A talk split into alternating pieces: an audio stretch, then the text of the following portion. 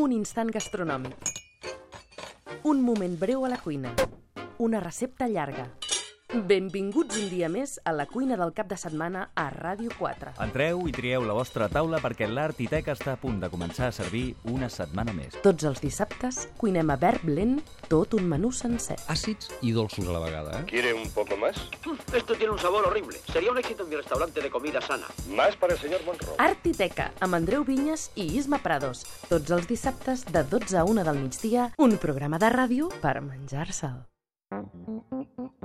Cada migdia, a partir de les 12, entre hores. Perquè volem fer sentir la vostra veu. Perquè volem gaudir dels petits plaers quotidians. Perquè volem tenir cura dels que més ho necessiten. Perquè creiem en la ràdio pública. Cada migdia, a partir de les 12, entre hores, amb Paola Calieri i Rosa de Diego. A Ràdio 4. La ràdio en directe més propera a tu.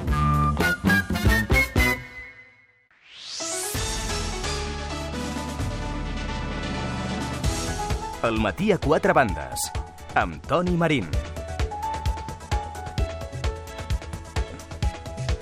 Les 10 i 6 minuts, aquí estem. Ràdio 4, al matí a 4 bandes. Avui estic encantat perquè tothom ha estat puntualíssim. Glòria, hola, bon dia. dia. Glòria Saez és estudiant d'Economia de la Universitat de Barcelona i és secretària general d'Estudiants Liberals. Què tal, Gina? Bon dia. Hola, bon dia. Diu, diu, és que hi ha molt de trànsit. Avui començava a ploure, diu, surto aviat de casa, no, Sí, Gina? sí, avui hem estat previsors. Molt bé, és estudiant d'Economia, també membre de Pompeunomics. Rodrigo Martínez, hola Rodrigo, bon Hola, dia. bon dia. El Rodrigo Martínez, secretari general d'Estudiants pel Canvi, estudiant d'Administració i Direcció d'Empreses. Eh, I també ens acompanya el Dani Garcia. Hola, bon dia. Què tal, senyor? Dani Garcia és portaveu de la Coordinadora Nacional dels Avalots de la, de la UGT. Hem de parlar moltes coses, ja ho sabeu. Però eh, quan ara fa un moment els deia, hi ha algun tema del que parlar, eh, em sembla que ha estat el Rodrigo, no? que ha dit, ja, ja han sortit, o, o la Gina, no? ja, ja hem fet la conya de la, la Pau. És curiós, però és veritat que és un dels temes forts del dia, no? Què us ha semblat a vosaltres, aquesta història, Rodrigo? Una xorrada. Surrealista. Sí, una cosa, no sé, això no sé si voldran tenir més, més drets o, o més autonomia o alguna cosa així. O més protagonisme, no? O protagonisme, sí. perquè és que és una tonteria. Una... Són coses innecessàries totalment, és perdre el temps. Jo és que crec que la política ha de servir per fer un bé als ciutadans, no per posar-hi traves i, i posar tonteries en... No, és que ara quants idiomes parlarem, no? I bueno, sobretot amb aquest nom, doncs, vull dir, a Catalunya ens ho prenem com que és una cosa ridícula, no? Vull dir, la Pau, no sé, ja a sobre agafes les inicials de la llengua, no sé què, no sé què. Mm. No sé, jo pensava que era broma en un principi, eh? Però bueno. És que arriba un punt que sembla que inclús és com per ràbia al, als catalans per, per voler-se diferenciar, però bé, jo sempre sóc molt optimista, ja ho sabeu, i mira, ara en el nostre currículum vitae podrem afegir una llengua, tu, Una llengua la més, Pau. No? Bé, és la conya, és la conya que va començar fent Duran i Lleida sobre aquesta història que després ha anat, ha, ha anat a més. Fa una estona estàvem parlant, i, i ara que es compleixen dos anys la setmana vinent, m'agradaria conèixer la vostra opinió, després ja portem la tertúlia cap a on vulgueu, eh? però del moviment dels indignats. Eh, dos anys, el dimecres, per ser més exacte, es compliran dos anys. I abans he vist una enquesta a la televisió on es preguntava justament sobre aquesta història, no? si continua viu el eh, sentiment, que no el moviment, sinó el sentiment dels indignats. I els resultats són considerables, eh? El 91,22% de la gent de- deia que sí. Lògicament, aquesta no és una enquesta científica. No és que han sortit al carrer a preguntar molta gent. És una enquesta de voluntats. És a dir, la persona que vol despenjar el telèfon, doncs truca i, per tant, de científic en té poc. Però sí que és com a mínim remarcable. El 91% de la gent assegura que sí que continua viu, mentre que el, gairebé el 9% eh, diu que no. Vosaltres què penseu d'aquest tema, concretament? Jo, jo crec que sí, perquè al marge de que aquest sigui el percentatge real o no, que jo crec que no, no és tant en la realitat, però jo crec que el sentiment, el moviment és evident que no crec, però el sentiment sí, perquè des de que va, van néixer els indignats, doncs és cert que han hi ha hagut moltíssimes més eh, reivindicacions, moltes més manifestacions, la gent surt més al carrer i és el que comentàvem ara fora d'antena, que s'està, a poc a poc estem veient com la pressió social, encara que no tant com ens agradaria, sí que té resultats i ahir va ser, va ser una mostra ben clara i crec que això és el, el sentiment i el, el més valuós que ens ha deixat els indignats, que la gent vulgui sortir al carrer, que ho faci i que a poc a poc tinguem petits resultats. Què dius, Glòria? Jo, jo no sé si és tant el moviment dels indignats o que també hi ajuda tot el, el que ens envolta, no? la, la crisi econòmica en la que estem vivint tots, que fa que la gent sigui molt més reivindicativa.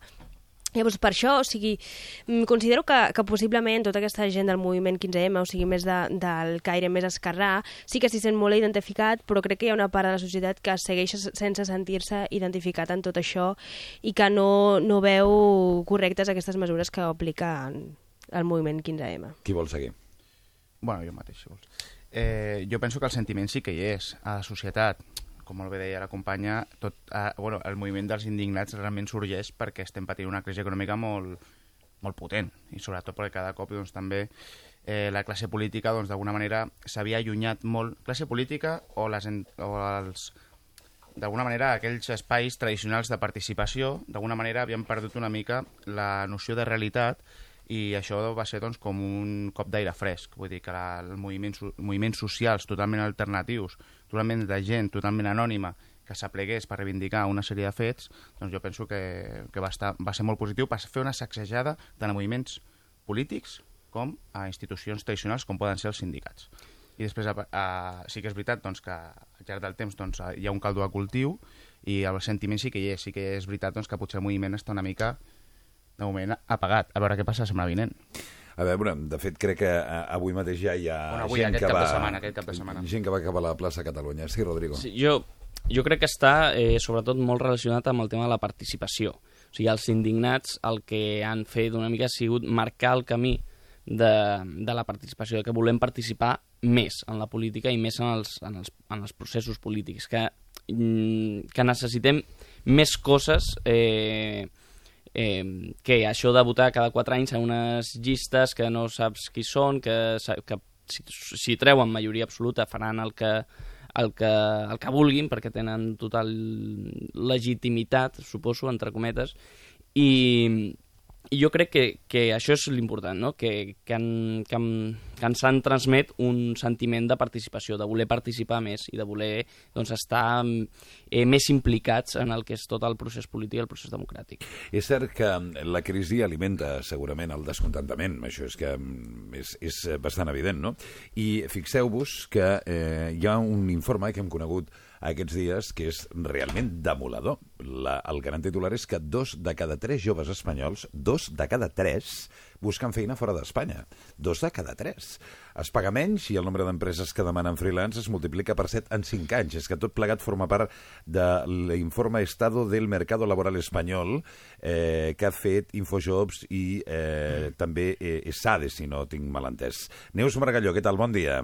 Hola, bon dia, Toni. Què tal? Bé, bé, el que passa és que, eh, francament, impressionat amb el que es desprèn d'aquest informe que has coordinat, no? El 65% sí. dels joves busca feina a Europa. Sí, sí. Es... Aquest és el resultat d'una enquesta que hem fet a 18.600 joves uh -huh. que van des de 16 anys fins a 29 anys. I bàsicament els que, el que els hi preguntaven és com s'estaven movent per buscar feina i tot i que un 97% indiquen que estan buscant dins del país, dins d'Espanya, i en preferència amb la seva comunitat autònoma, sí que és veritat que un 65% ens està dient que està buscant a Europa, per tant, dos de cada tres està buscant fora d'Espanya. No solament això, sinó que, a més a més, el 51% ens diuen que estan buscant fora d'Europa. Ja, doncs fora del continent, directament. Estats Units, sí, sí, Canadà, sobretot Estats Units, Canadà i Sud-amèrica, no? Correcte, i Austràlia també. I Austràlia. déu nhi sí. Bé, hi ha altres coses que són interessants eh, per veure. La competència per un lloc de treball, per exemple, sí. és al·lucinant. Sí, la competència per un lloc de treball s'ha multiplicat, bueno, o ha incrementat un 157% respecte al 2008. Uh -huh. De fet, buscar un lloc de feina ara és com dir que seria 2,6 vegades més difícil de lo que era abans de la crisi. 200, can... Eix... 200 disculpa, eh? 200 candidats sí. per cada vacant publicada. No. No? 72. Ah, ah doncs ho tinc mal posat, això. 72, bueno, no, no. No em semblen pocs, en qualsevol cas, eh? 72 mm. candidats per cada, per cada lloc de feina que s'ha publicitat sí. o s'ha publicat. Correcte, aquest és, aquest és el promig, però fixa't des d'on partíem. L'any 2008, uh -huh. el número d'inscrits promig a una vacant era de 28. O sigui, competies amb 28 persones quan t'inscrivies en una oferta. L'any 2012 Perdona, l'any 2011 ja es va duplicar i ja eren 62 els inscrits a una vacant. I aquest any hem arribat als 72. déu nhi eh? que és, és, és brutal, és brutal. Eh, Sí, sí. També parleu de la sobrequalificació, no? Sí, sí, sí, el que ens estem adonant és que bueno, tenim, tenim la gent que està demanant feina realment està molt ben formada, de fet tenim una dada que, que, bueno, que, que ratifica una mica això, no? Tenim el 45% de persones que estan demanant feina tenen estudis universitaris i només el 24% de les vacants sol·liciten aquests estudis. Aleshores, això el que provoca és una mica un desajust entre l'oferta i la demanda Uh -huh. i el que està passant és que, clar, la gent, la gent qualificada està accedint a, a, a llocs que demanden un, un nivell formatiu inferior, no? Ja. I això, diguem que genera una, una pressió de tot, el, de tot el model a la baixa, no? O sigui, tothom acaba aplicant a llocs de feina, diguem, amb un nivell formatiu inferior, no? Ja. Eh, Llavors això fa que les empreses realment eh, acaben triant els millors professionals eh, per salaris inferiors. O sigui, han baixat els, eh, els salaris. Sí, els salaris, eh, el, que hem, el que hem detectat és que en global els salaris s'han reduït a dins de, de tota l'anàlisi de totes les vacants que s'ofereixen a Infojobs, els salaris han baixat un 1,7%. Si això li afegeixes que l'any 2012 va haver-hi una inflació del 2,9%, doncs el resultat de tot això és que realment la gent que ha trobat feina durant el 2012 pues, eh, està patint una reducció del poder adquisitiu perquè està tenint un salari més baix i en canvi l'efecte de la inflació ha sigut més alt, no? Déu-n'hi-do, déu nhi déu quin panorama, eh?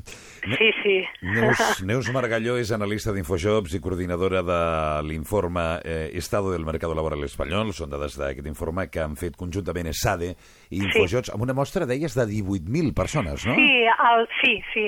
L'informe global normalment el fem amb tota l'activitat que es produeix durant tot un any.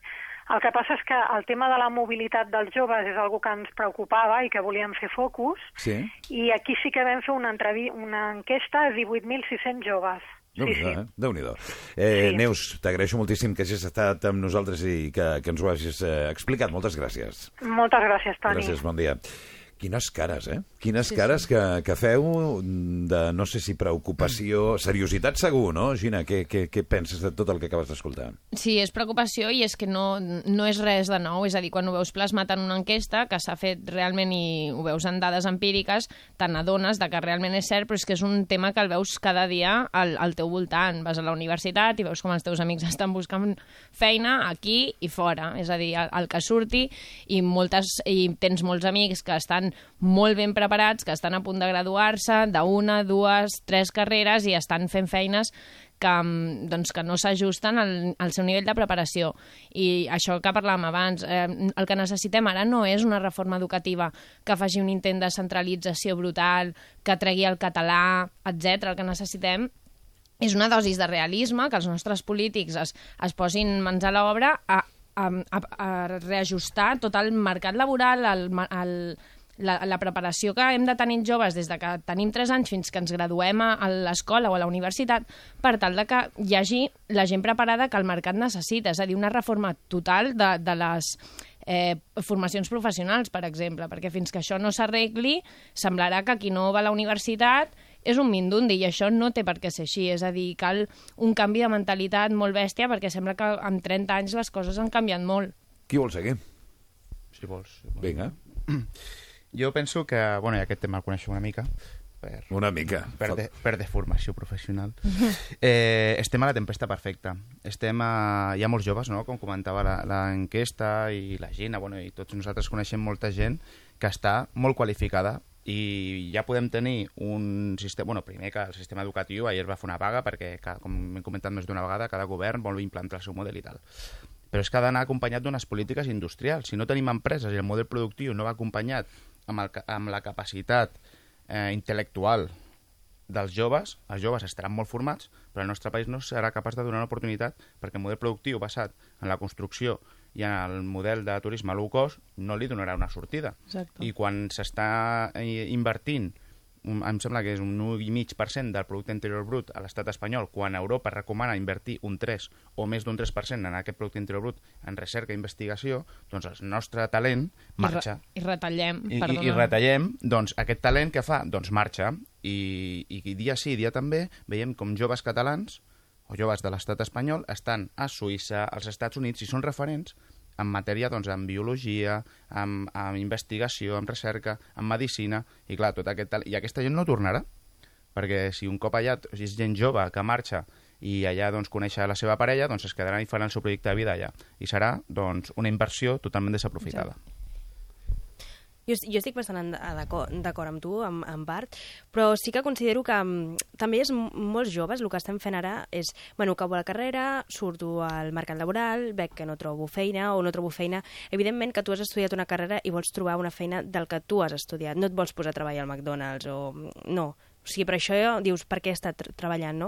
Llavors la gent el que fa és dir, bueno, marxo fora i així tinc una qualificació, tinc un expedient, mm, un currículum un, amb una mica un caire dif diferencial, perquè si tu te n'has anat a Suïssa i has estat treballant del que sigui, i ara tinc un company que està estudiant farmàcia i aquest, aquest estiu ha decidit anar a fer pràctiques a Polònia, amb uns programes que fan també que són molt interessants, que són uns programes que tu busques una feina a, aquí a Barcelona o, o on tu estiguis vivint i els, agafes aquesta feina, la busques per una persona... Bueno, no la demanes per tu, la demanes per fulanito de tal, que és alemà. Llavors tu la poses en una, en una borsa de treball i aquesta borsa de treball, l'alemà ha fet el mateix, entra tots aquests, aquests treballs en una borsa de treball, llavors et toquen, i potser tu demanes d'anar a Polònia i te toquen a Polònia a fer les pràctiques, que això també és molt interessant. Això també ens, ens ajuda a tots a fer una mica de currículum diferencial. I sí que és veritat que això és totalment cert, no? que estem, anant, a- estem fent que la gent marxi fora i possiblement molts es quedaran allí. I esperem que, jo tinc l'esperança de que amb aquesta darrera mm, reforma laboral, que l'altre ahir vaig, vaig llegir un informe del BBVA on es deia que s'havien deixat de destruir en, aquesta, en aquest darrer any uns 60.000 llocs de treball. Jo tinc esperances en que això se vagi modificant, Home. que es vagin creant llocs de treball aquí diferencials, o sigui, que, que tinguin aquest caire de que no siguin de mà d'obra barata i pugui aquesta gent tornar el dia de demà, perquè jo estic seguríssima que aquesta gent que se n'ha anat a fora la seva expectativa no és seguir vivint a Suïssa o seguir vivint a França, sinó tornar aquí perquè és un país mediterrani i jo això de veure el sol cada dia és una cosa que primo molt. Estic d'acord que jo crec que els espanyols que, que se'n van, la majoria tornen. Perquè jo tornaria. O sigui, com, jo crec que com aquí no es viu en cap lloc. Eh, bueno, a Itàlia. Sí. Eh, millor Espanya, Jo- millor Espanya. Jo, eh, jo a veure, vull donar un- una de cal i altra d'arena, no, suposo. Eh, crec que tenim una molt bona oportunitat ara mateix de, de no caure en els errors del passat, no? De, veníem d'una època on, on tu acabaves eh, un, una carrera, un cicle formatiu, eh, agafaves un treball i, anava, i et compraves un pis eh, al costat de, de casa dels pares, no? Eh, I això ha dificultat una mica la mobilitat i l'adaptació en temps de crisi. Crec que tenim un, és una bona oportunitat perquè la gent surti i gent de fora vingui aquí. I allí un, hi hagi un intercanvi de persones, de coneixements, d'idees, d'influències. Crec que això és molt bo. Per un altre costat, sí que és cert que les, uni les universitats i, els, i, el, i la formació professional necessita una, una millora molt forta de, del programa de pràctiques, perquè clar, tu pots tenir tres titulacions, però arribes a una empresa que et diuen no, és que necessitem que sàpigues fer això que fem aquí. Mm. Llavors necessitem una formació potser més pràctica eh, a les universitats, per exemple, jo estic en una universitat, llavors tu fas, eh, tu fas quatre assignatures de comptabilitat, però en quina assignatura de comptabilitat t'ensenyen a fer funcionar un programa de comptabilitat com els que utilitzen les, les empreses. No? Llavors jo crec que, que és una mica això. Eh, no sé si... I, si i a més a més, en part dels programes dels programes de- d'estudis, jo crec que possiblement també s'hauria de reformar una mica en quin és el ventall de carreres que se t'ofereixen, que no estan molt, molt adaptades a lo que és el mercat laboral. El que no pot ser és que tinguem a cada universitat de, de les províncies espanyoles on facin dret, on facin nada i aquestes carreres que tothom estudia. Jo considero que, que hauríem de potenciar les carreres més tècniques per poder també, i, i d'aquesta manera potenciar també tot el sector productiu de la, de la indústria per tal de que, que canvi tot aquest mm, mercat laboral que tenim aquí Però a eh, Espanya. no, no hem de perdre els coneixements generals, eh? Està Perquè clar que no, no. no, no podem fer-nos eh, cadascú especialitzats en, en una cosa, no? O sigui, jo crec que, és, que està molt bé que tothom sàpiga una mica de tot, Mhm. perquè llavors no, no fer només una carrera de, de dret penal, no? perquè llavors un, un advocat que es dedica al dret penal, doncs, a lo millor necessita... Sí, i el saber una no? mica de tot De- també després de- fomenta que tu aprenguis ràpid, això que dèiem abans, de que que, possiblement- quan, quan jo estic estudiant economia, després aniré a una empresa i em demanaran coses que mai he après a la universitat, però si Mhm. tu has, has après en diferents àmbits a aprendre ràpid, has fet pràctiques de diferents, de diferents coses... Dret també, mercantil. exacte, també t'has um, acostumat doncs, a aprendre més de pressa i això també és el que tenen la gent que estudia enginyeries. És a dir, jo he parlat amb gent que està a les empreses i, per desgràcia, jo faig economia i dret, però moltes vegades, per exemple, en les consultores, volen gent d'enginyeria i matemàtiques sí. perquè s'assumeix que aquestes persones tenen una capacitat d'aprendre aquelles coses molt més ràpid que la gent que fem administració, direcció d'empreses o economia. I això és una cosa que s'haurien de replantejar les carreres de Però jo, d'aquestes branques. considero que eh, la vessant aquesta més cultural, i això hauries d'aprendre a l'escola. O sigui, tu hauries de saber una mica de, de lo que és una mica el dret, de lo que és una mica tot això a l'escola. O sigui, possiblement fem assignatures a l'escola que estem repetint any rere any els mateixos coneixements i potser s'haurien d'ampliar. Però aquí suposo que estem amb, la, amb, la, amb aquell punt de sempre de, de, de carreres tècniques o carreres humanis, sí. humanistes, no? I, I després l'altre punt de hem d'estudiar allò que realment ens agrada i ens fa feliços o hem d'estudiar amb allò que ens guanyarem la vida? Clar, vull dir, per ser exemple... un mix, no?, de tot, Eh, en no, teoria. No, cadascú ha de poder es- estudiar el que vulgui o ha d'estudiar alguna cosa que després eh, es pugui guanyar Sí, la però vida. jo- Clar, jo- això és, és jo- un dilema molt important. Vull dir, cada any hem de llicenciar, Mm. no sé, no sé, quants, no sé quants persones en dret. Vull dir, el mercat és capaç d'assumir No, aquesta persona? No és. Mira, jo saps què crec? Jo um, sóc bastant idealista, però crec que has d'estudiar el que t'agradi. Perquè jo estic clar. fermament convençuda que si tu fas una cosa que t'agradi i que et motivi, que considero que és, per exemple, el meu cas, ho faràs molt bé. És a dir, jo eh, em fa molt, molta pena quan veig gent que està estudiant eh, certes carreres per això, no? Perquè mira, és el que té més sortides, és el que han esperat de mi a casa meva, és el que toca fer. Si tu fas una cosa que t'agradi, t'hi esforçaràs i dedicaràs temps i hores cada dia, llegir, llegiràs més sobre aquesta matèria i així et faràs millor. Mhm. I això, i al cap i a la fi, així es construeix un país més competitiu. Si cadascú té la possibilitat de fer el que t'agrada. El problema també és si després no hi ha la possibilitat de fer el que t'agrada. Però si tu fas allò per al qual tens una passió, crec que seràs molt millor i aportaràs molt més al teu país, a la teva empresa, a tu mateix, etc. Si trobes feina. Exacte, aquest és el problema de que...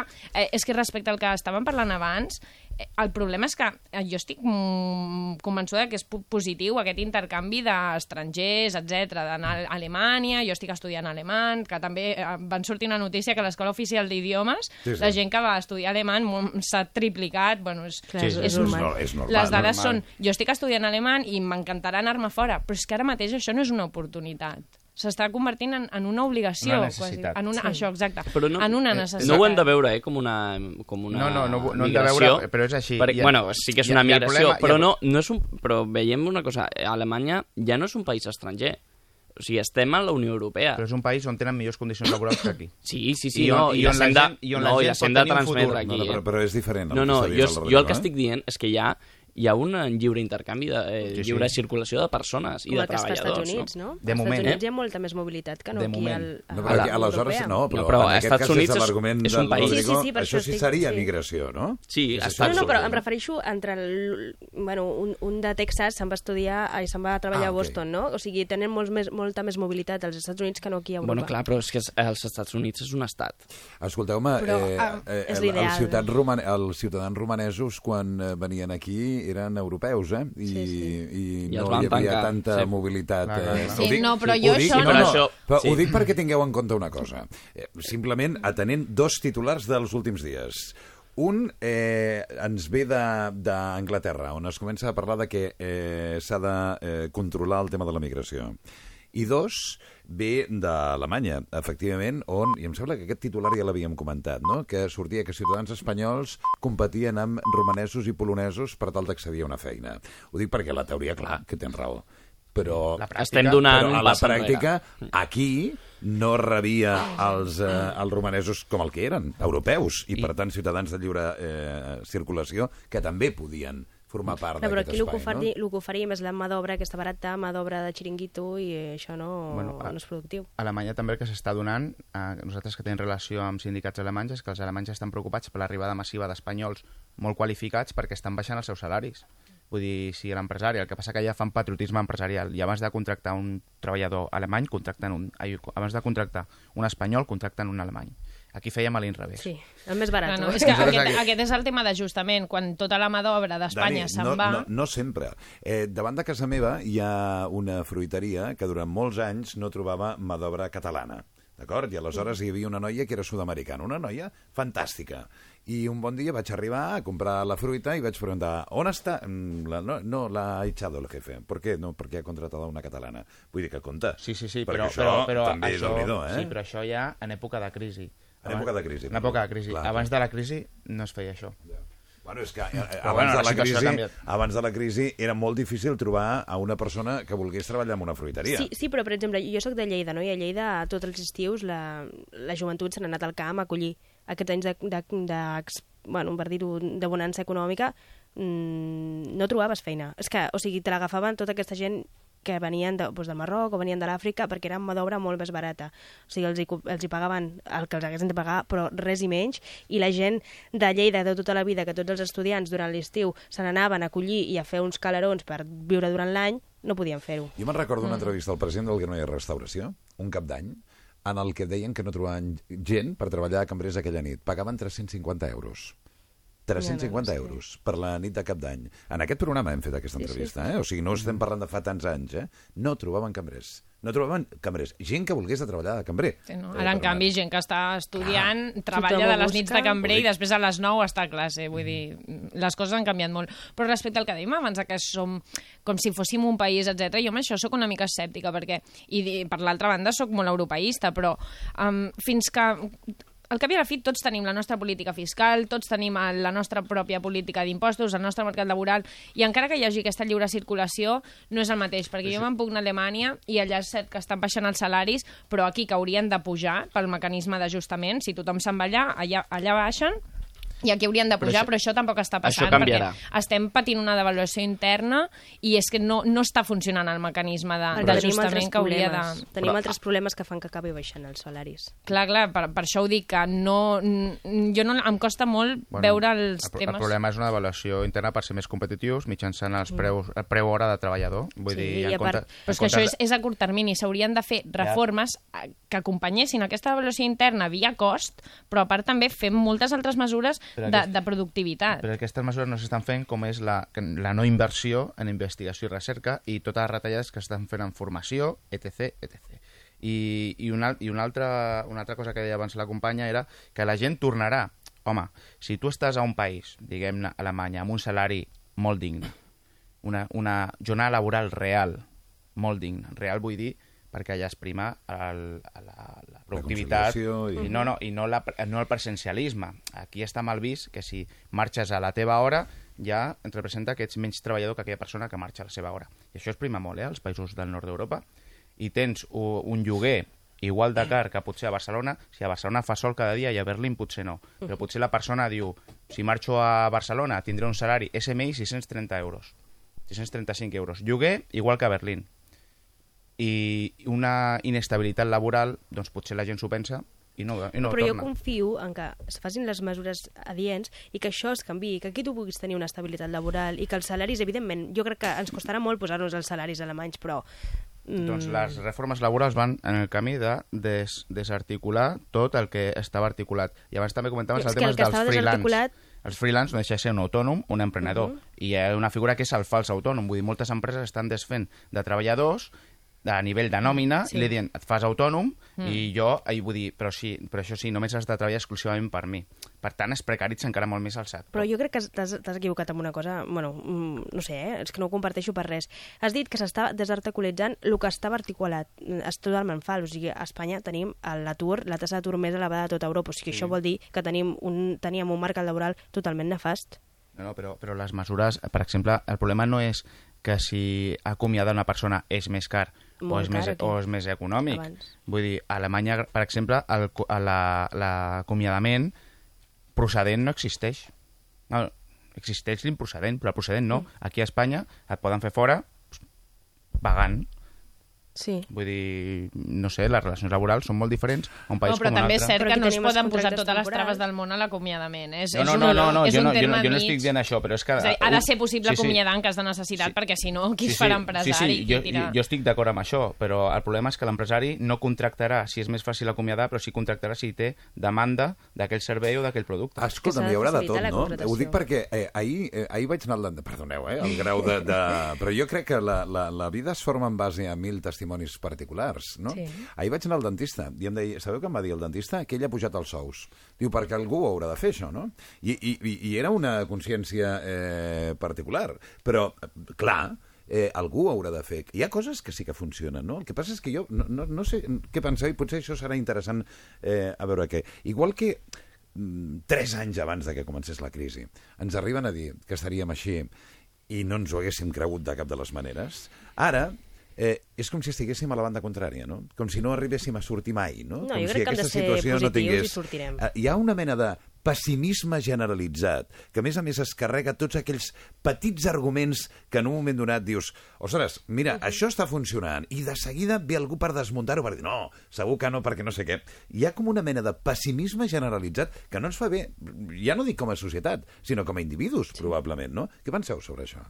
Okay, jo estic totalment d'acord, que és que mm, jo crec que quan veiem sortir una miqueta la llum del sol, és que crec que ens hem d'estar tots contents i, i ser positius, perquè és que si no viurem tot el dia ensorrats i, i no és bo per una mateixa persona, eh? per la salut mental de la gent. Jo crec que és positiu el veure aquestes mesures positives, aquestes petites llums que surten i que ens, que ens afectin positivament en la nostra vida. Però és que les llums que hi han són consciències individuals, és a dir, les des del meu punt de vista, eh? sí que hi ha moltes coses positives d'una persona que agafa i monta una cosa, d'un dentista que puja els sous, però a nivell global, és a dir, a nivell de les deci decisions a nivell macro dels polítics, hi ha poques llums, i això és el que és preocupant, jo crec. No sé, abans hem parlat del sector de l'automòbil. El sector de l'automòbil comença a tenir dades positives, sí. sobretot pel tema de les Sí, exportacions, cert, cert. és veritat, però comença a tenir eh, eh, dades positives, a oferir dades eh, positives. Eh, Ja he explicat aquesta història, demano disculpes si vostès estaven escoltant i han de tornar a sentir el que dic, però eh, escoltava i segurament aquí el Dani tindrà alguna cosa a dir i probablement estaríem d'acord també, no? però escoltava a un eh, representant molt important d'una empresa automobilística que deia que donat tot el que ha passat, és evident que Espanya passa a ser molt més competitiva des del punt de vista de situar una fàbrica aquí perquè a l'haver baixat els preus, doncs mm, provoca que vinguin més inversions, no?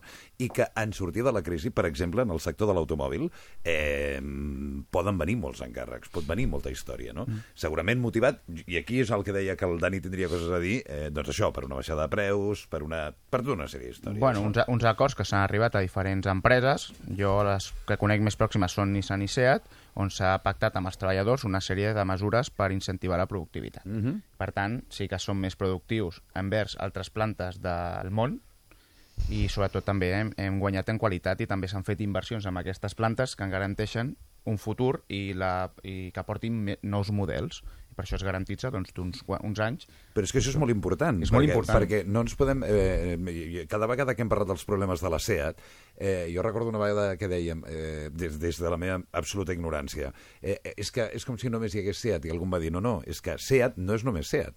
Són totes les petites, Petites i empreses i mitjà... Petites i mitjanes empreses, no, Dani? Que, sí, sí, que... sí, sí, que hi ha a tot al voltant, per exemple, la persona que, bueno, l'empresa que fa els seients, la persona Exacte. que porta les rodes, la persona que, bueno, el manteniment que porta tota aquella indústria. Estem parlant que Seat em sembla té al voltant de 15.000 treballadors, però després tota la indústria text, ai, tèxtil, tota la indústria teixit auxiliar que es posa al voltant és molt important i sobretot l'estat espanyol, doncs tenim gairebé totes les marques a nivell europeu. I bueno, s'està parlant del clúster de automobilístic més, més important d'Europa i, però per això s'ha de mantenir doncs, aquestes inversions i, bueno, i, aqu i aquestes bones relacions laborals per ser, continuar sent competitius i, i molt productius. És que jo considero que, que això és molt positiu, que les empreses facin la formació, no des de l'Estat, perquè des de l'Estat possiblement es veu tot mm, des d'una manera més, més superficial i és més difícil analitzar en quina, en quina branca és més necessari invertir o formar la gent. I això crec que és feina de les empreses. Per exemple, l'altre dia vaig escoltar que, mm, que SEAT està fent un, començarà a fer un programa de formació, em sembla que són, no sé si són 4 anys, que formarà la gent perquè siguin especialitzades en crear, o sigui, a, a, en, la seva, en la seva empresa, no? Sí que és el problema de dir, val, i quan em quedi sense feina jo estaré, seré bueno, el millor treballador per SEAT, que em passarà, no?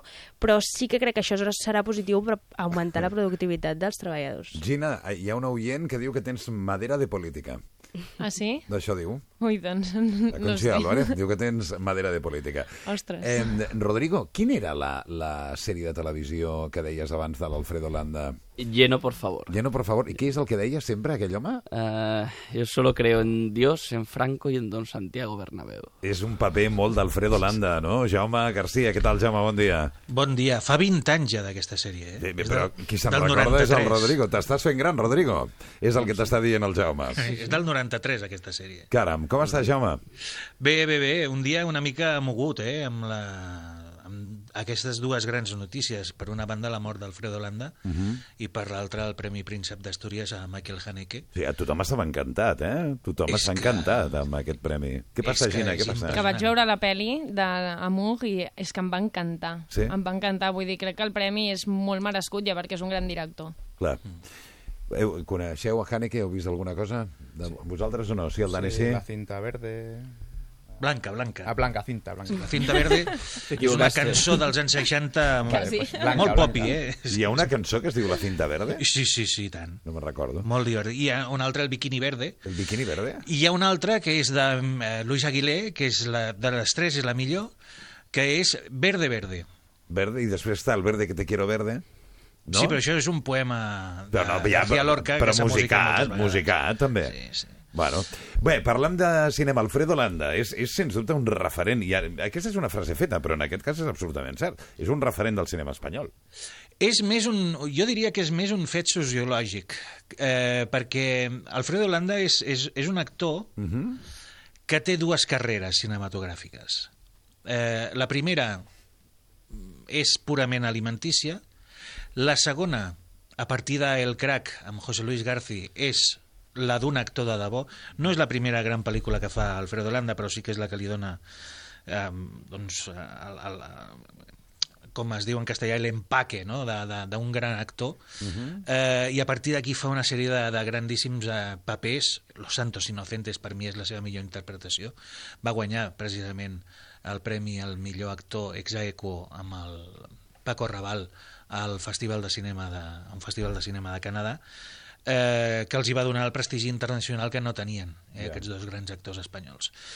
I després una tercera etapa en la que torna una altra vegada el landismo, eh, perquè, bé, el contracten per fer aquesta sèrie absurda de Lleno, por favor, i torna una altra vegada a fer aquest personatge que és el, el, el prototipus d'espanyol, no? El, el prototipus del personatge que fa, que és el del perdedor amb dignitat Ja. Eh, que és el, el paper que, que veritablement el fa famós entre tots els espectadors espanyols. És el Manolo Lanuit, és el eh, Recluta con Niño, eh, és el... Eh, tots aquests personatges dels anys 60 de, de la, de, del cinema del desarrollismo que es va anomenar landismo, precisament. És veritat, sí, sí, sí. O sigui que ell dona nom a un gènere cinematogràfic. Eh, ahir algú, algun celebrat, algun... Sí, algú... Algun celebrat, sí. sí. Sí, algun celebrat va dir és que Alfredo Landa és el eh, Jack Lemmon espanyol. El Jack Lemmon espanyol. Sí. Potser veure, no, no? No, jo diria que no. A veure, Jack Lemmon és Jack Lemmon i Alfredo Landa Exacte. és Alfredo Landa. És a dir, és com comparar el Barça amb, eh, jo què sé, amb la Unió Deportiva Huesca, no? Dius, tots dos som blaugranes, però Ah, juguen en lligues diferents. Ara no t'hi entès. No, però com a actors, no? O sigui, poden ser exactament igual de bons, no? No és millor un que l'altre, diria jo, no? Són diferents. És que un juga a la primera divisió i l'altre a la tercera. O sigui, Alfredo Landa no va tenir l'oportunitat d'anar a Hollywood. Sí, això és veritat. Eh, el comparo amb un altre actor espanyol perquè es vegi la diferència. José Luis López Vázquez. Sí. José Luis López Vázquez sí que va tenir l'oportunitat d'anar a Hollywood. L'any 74, quan protagonitza Mi querida senyorita, Uh -huh. la pel·lícula es converteix en un fenomen internacional, descobreixen aquest actor que aquí era un secundari, Uh -huh. perquè no va arribar mai a ser un gran protagonista, i li van dir, volem que vinguis a Hollywood. I li van posar tres projectes damunt de la taula. I José Luis López Vázquez va dir que no. Ja veus. I va dir, no, diu, porque a mi edad no me voy a poner a aprender el inglés. Mira. Bueno, és un motiu, no? Clar, però és que a, aquí és on hi ha la diferència.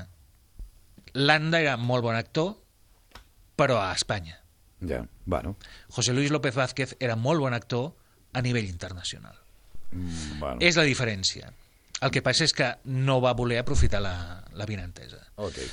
No sé, bueno, jo, jo, jo poder, faria algun matís amb això, però és igual. Eh, és igual perquè la veritat és que, en definitiva, Alfredo Landa el que era era un gran actor. Sí, era de Pamplona, la gent no ho sap. Sí, un s'imagina que Alfredo Landa pot ser de qualsevol part d'Espanya, però no anava res. És, bueno, és veritat, potser sí, no? Potser més del centre, no? Sí, un es- s'espera que fos de la Castella. On... Sí, Més això, madrileny, Sí, sí, més més castizo, és madrileny, de, de, de, de Sòria, o de, de Àvila, o algun lloc així més cèntric, no? Sí. Eh, el curiós és que ell va saber aglutinar tot un sentiment, eh, va saber-se identificar amb tot un poble, Ja. o tot un poble es va identificar amb ell. Uh -huh. Eh, I d'altra banda, quan ja va aconseguir això i va sobresortir dels papers secundaris que li donaven al començament per convertir-se en protagonista, va saber fer-ho de tal manera que aquell personatge que havia creat no molestés a la seva carrera com a actor de debò. Eh? Ja. Quan el veiem a la vaquilla, no estem veient el Manolo Lanoit. Estem veient a un actor de debò. Ja. Quan veiem Los Santos Inocentes, és que t'oblides de tot el landismo completament. Sí, I aquesta és la grandesa del gran actor Alfredo Landa. Escolteu una cosa, perdona un moment, Jaume, vosaltres, allò que diríem el cinema espanyol, eh, de, de, doncs, en blanc i negre i de més, tots aquests personatges... Eh, mira, m'està venint al cap Florinda Chico, una senyora que era encantadora, Florinda Chico. Jo l'havia entrevistat dos o tres vegades i era tan fan d'ella, tant. Eh, coneixeu tot aquest cinema o no? Jo aquesta pel·lícula de Los Santos Inocentes l'he vist un munt de cops. És la pel·lícula preferida del meu pare i Ah. me l'he tragat i és, en veritat és molt bona. I sí, sí, és que jo penso en el cinema espanyol d'aquella època i penso en Alfredo Landa. Amb Alfredo Landa, eh? eh Gina, tu, a tu no et veig massa posada. No, m'he de posar les piles. Sí que he vist moltes pel·lis eh, dels anys 50, per exemple, però més hollywoodienses, saps? Ja. En plan, sí, sí. Ja. Casablanca, De aquí a la eternitat, tot això, tot el que vulguis. Però del cinema espanyol he de reconèixer que jo quan era petita m'encantava veure cine de barrio, eh? És d'aquestes coses que Ai, tothom veus? amaga, però no. m'encantava veure Veies cine de cine de barrio. Ai, Sí, doncs jo mai, jo passava de canal, eh? M'encantava. Rodrigo, què Home, a, cine de barrio era una mica el canal, no?, per veure, per, per veure aquestes coses. I, home, jo si sortia un Alfredo Landa, un José Luis López Vázquez o un Arturo Martínez Soria... Paco Martínez Soria. Paco, eh, me quedaba viéndolo. Sí, no? Sí. Eh, Dani, tu què Sí, dius? jo també una mica. Doncs aquests actors també Ostres, doncs m'he de posar les piles una perquè... mica. No, Jaume, tu què penses? Eh, cinema espanyol de la dècada dels 60 n'hi ha molt bones pel·lícules. Eh? Sí, en sí. algunes surt l'Alfredo Landa fent de secundari, com a Atraco a les 3, per exemple, Ah que és una pel·lícula deliciosa, o El Verdugo. L'has vist, Rodrigo? Per Sí, exemple? sí, no en recordo molt bé, però me'n me'n recordo al principi, potser que s'e- s'equivoquen de, de dia o d'hora o alguna cosa així, pot ser? Són, són treballadors d'un banc que s'atraquen a si mateixos. Eh? Sí. La història és aquesta. És una pel·lícula de José María Forqué, que és aragonès. Uh -huh. Ara que estic a l'Aragó, doncs mira, s'ha d'escombrar una mica cap a casa. Ai, I- ai, ai, estàs Sí, a l'Aragó, que- és veritat, que no Sí, ho pensava. estic a Osca. T'estic entenent perfectament. Parla la Pau. Doncs mira, avui parlo la Pau, sí, és, és, és cert. Que fort. Bueno, digues, digues, va, ja hem parlat molt d'això. Digues, digues. Quina Eh, no, però és que tinc una llengua més al currículum. Ara, qui em vulgui contractar ja, em pot... ja parlo de cop i volta, parlo No, vuit idiomes Se i quatre el són el mateix. Gràcies a aquesta decisió se t'ha obert el món, no t'amoïnis. Sí, sí, sí. Què més? El, Eh, jo, jo recomanaria per tots aquells que vulguin veure una interpretació brutal i el personatge amb el qual millor s'identifica Alfredo Landa Sí. És eh, El Quijote, de Miguel de Cervantes, la sèrie de televisió que va fer Televisió Espanyola, Ahà. en la que Fernando Rey és eh, El Quijote, Quijote, i ell és i Sancho. Alfredo Landa és Sancho Panza. Mhm. O sigui, Alfredo Landa el que va fer amb el landismo és un etern Sancho Panza. Mm. Eh? És, eh, perquè els espanyols som, la majoria, Quijotes i Sanchos tota la vegada. tota la vegada, eh? o sigui, sense distinció de... I ell va saber agafar-se un d'aquells personatges, el, el Sancho Panza, i convertir-lo en personatge prototípic espanyol. A la mateixa mesura que a Itàlia doncs, hi havia Fantozzi i a França hi havia el gendarme que feia Luis de Funes en aquella època. Uh -huh. És a dir, cada país tenia el seu actor i el seu prototipus de personatge. Doncs bé, aquí ja és, és, és un joc fantàstic d'interpretacions entre aquests dos grandíssims actors, no? el gallec Fernando Rey i el navarrès Alfredo Landa. Brutal, jo recomano, a més està editada en DVD, es pot veure tranquil·lament aquesta sèrie i veureu una cosa fora, fora de sèrie. Mai fantàstic, millor. fantàstic, fantàstic. Va, parlem de més coses. Parlem una mica de Michael Haneke perquè, Vinga. clar, el príncep d'Astúries és eh, l'equivalent al Premi Nobel pràcticament, eh, el de les arts, eh, que no existeix, el Premi Nobel de les Arts no existeix, i hi ha el, el príncipe d'Astúries. Eh, és un premi que per mi arriba en un moment just perquè Michael Haneke té una filmografia que jo la miro i és que des de l'any 97 que va fer Funny Games sí. que si no l'heu vista eh, no sé què heu fet en aquesta vida hi ha dues versions les dues dirigides per Michael Haneke uh -huh. plànol a plànol idèntiques ja veus. Però amb eh, 10 anys de diferència. Una és del 97 i l'altra és del 2007. Una és la versió eh, austríaca i l'altra és la versió americana. Ja. La versió americana és més fluixa que l'austríaca. Ja. Però és una història brutal amb les sis lletres de brutal. Ah, molt eh? bé. Molt és una bé. família, pare, mare i fill. Hi ha dos psicòpates que els eh, tenen segrestats i els fan fer jocs sàdics entre ells. La premissa de la pel·lícula ja és per no enganyar-se, eh? o sigui, no és una comèdia. I a partir d'aquí, la seva filmografia va sempre en aquest sentit, de buscar eh, la part més recòndica, recòndita de la ment humana. Código Desconocido Això, és una això era pel·lícula... la Pau, Recòndica era en la Pau. Sí, en la Pau. Vale. Eh, Código Desconocido és una pel·lícula genial, uh -huh. amb una Juliette Binoche en un estat de gràcia impressionant. La pianista, que si no l'heu vista també és, és una increïble història d'amor, eh, però molt diferent, uh -huh. amb la Isabelle Huppert fent un dels papers de la seva vida. Eh, la Isabelle Huppert és, eh, és, jo diria que una de les seves grans muses. El temps del llop, que per mi és la pel·lícula que més m'agrada de, de Haneke. No és la seva millor pel·lícula, però és la meva preferida. Caché, una altra pel·lícula increïble. La segona versió de Funny Games, La cinta blanca i eh, Amor. O sigui, aquestes són les seves pel·lícules, una darrere l'altra, pel·lícules excel·lents. Ja veus.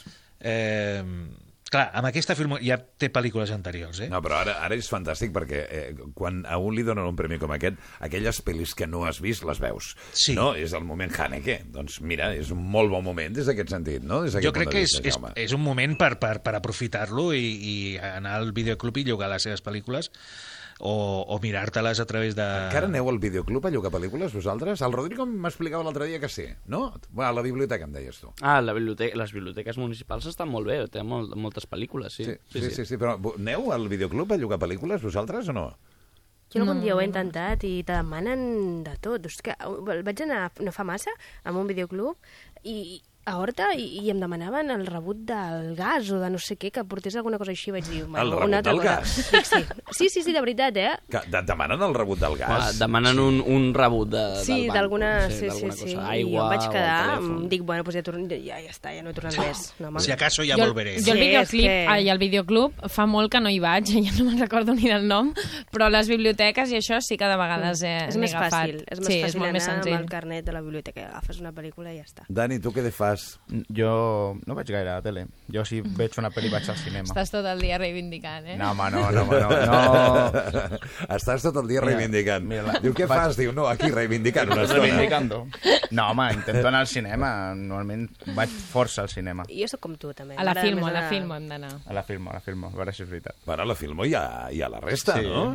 Sí, clar, clar. Però la filmoteca està molt bé i és econòmic i el, fan pel·lis boníssimes, quasi bé sempre. Però ara fan unes Sí, sí. ofertes a tots els als cinemes, que vamos, val la pena anar al cine, eh? Ah, sí? Quina sí, oferta A fan? tots els cinemes, ja, ja t'explicaré després. Ah, sí, després Van a tots jo, jo De sempre pago el que toca, eh? Vull dir, jo... A mi em va agradar molt una, una vegada que vaig anar al eh, cinema a migdia, però com a les dues del migdia, a un curiós. cinema a Rambla, Catalunya, Jaume, i, Sí. i uh, podies dinar allà, mentre veies la sí. pel·li.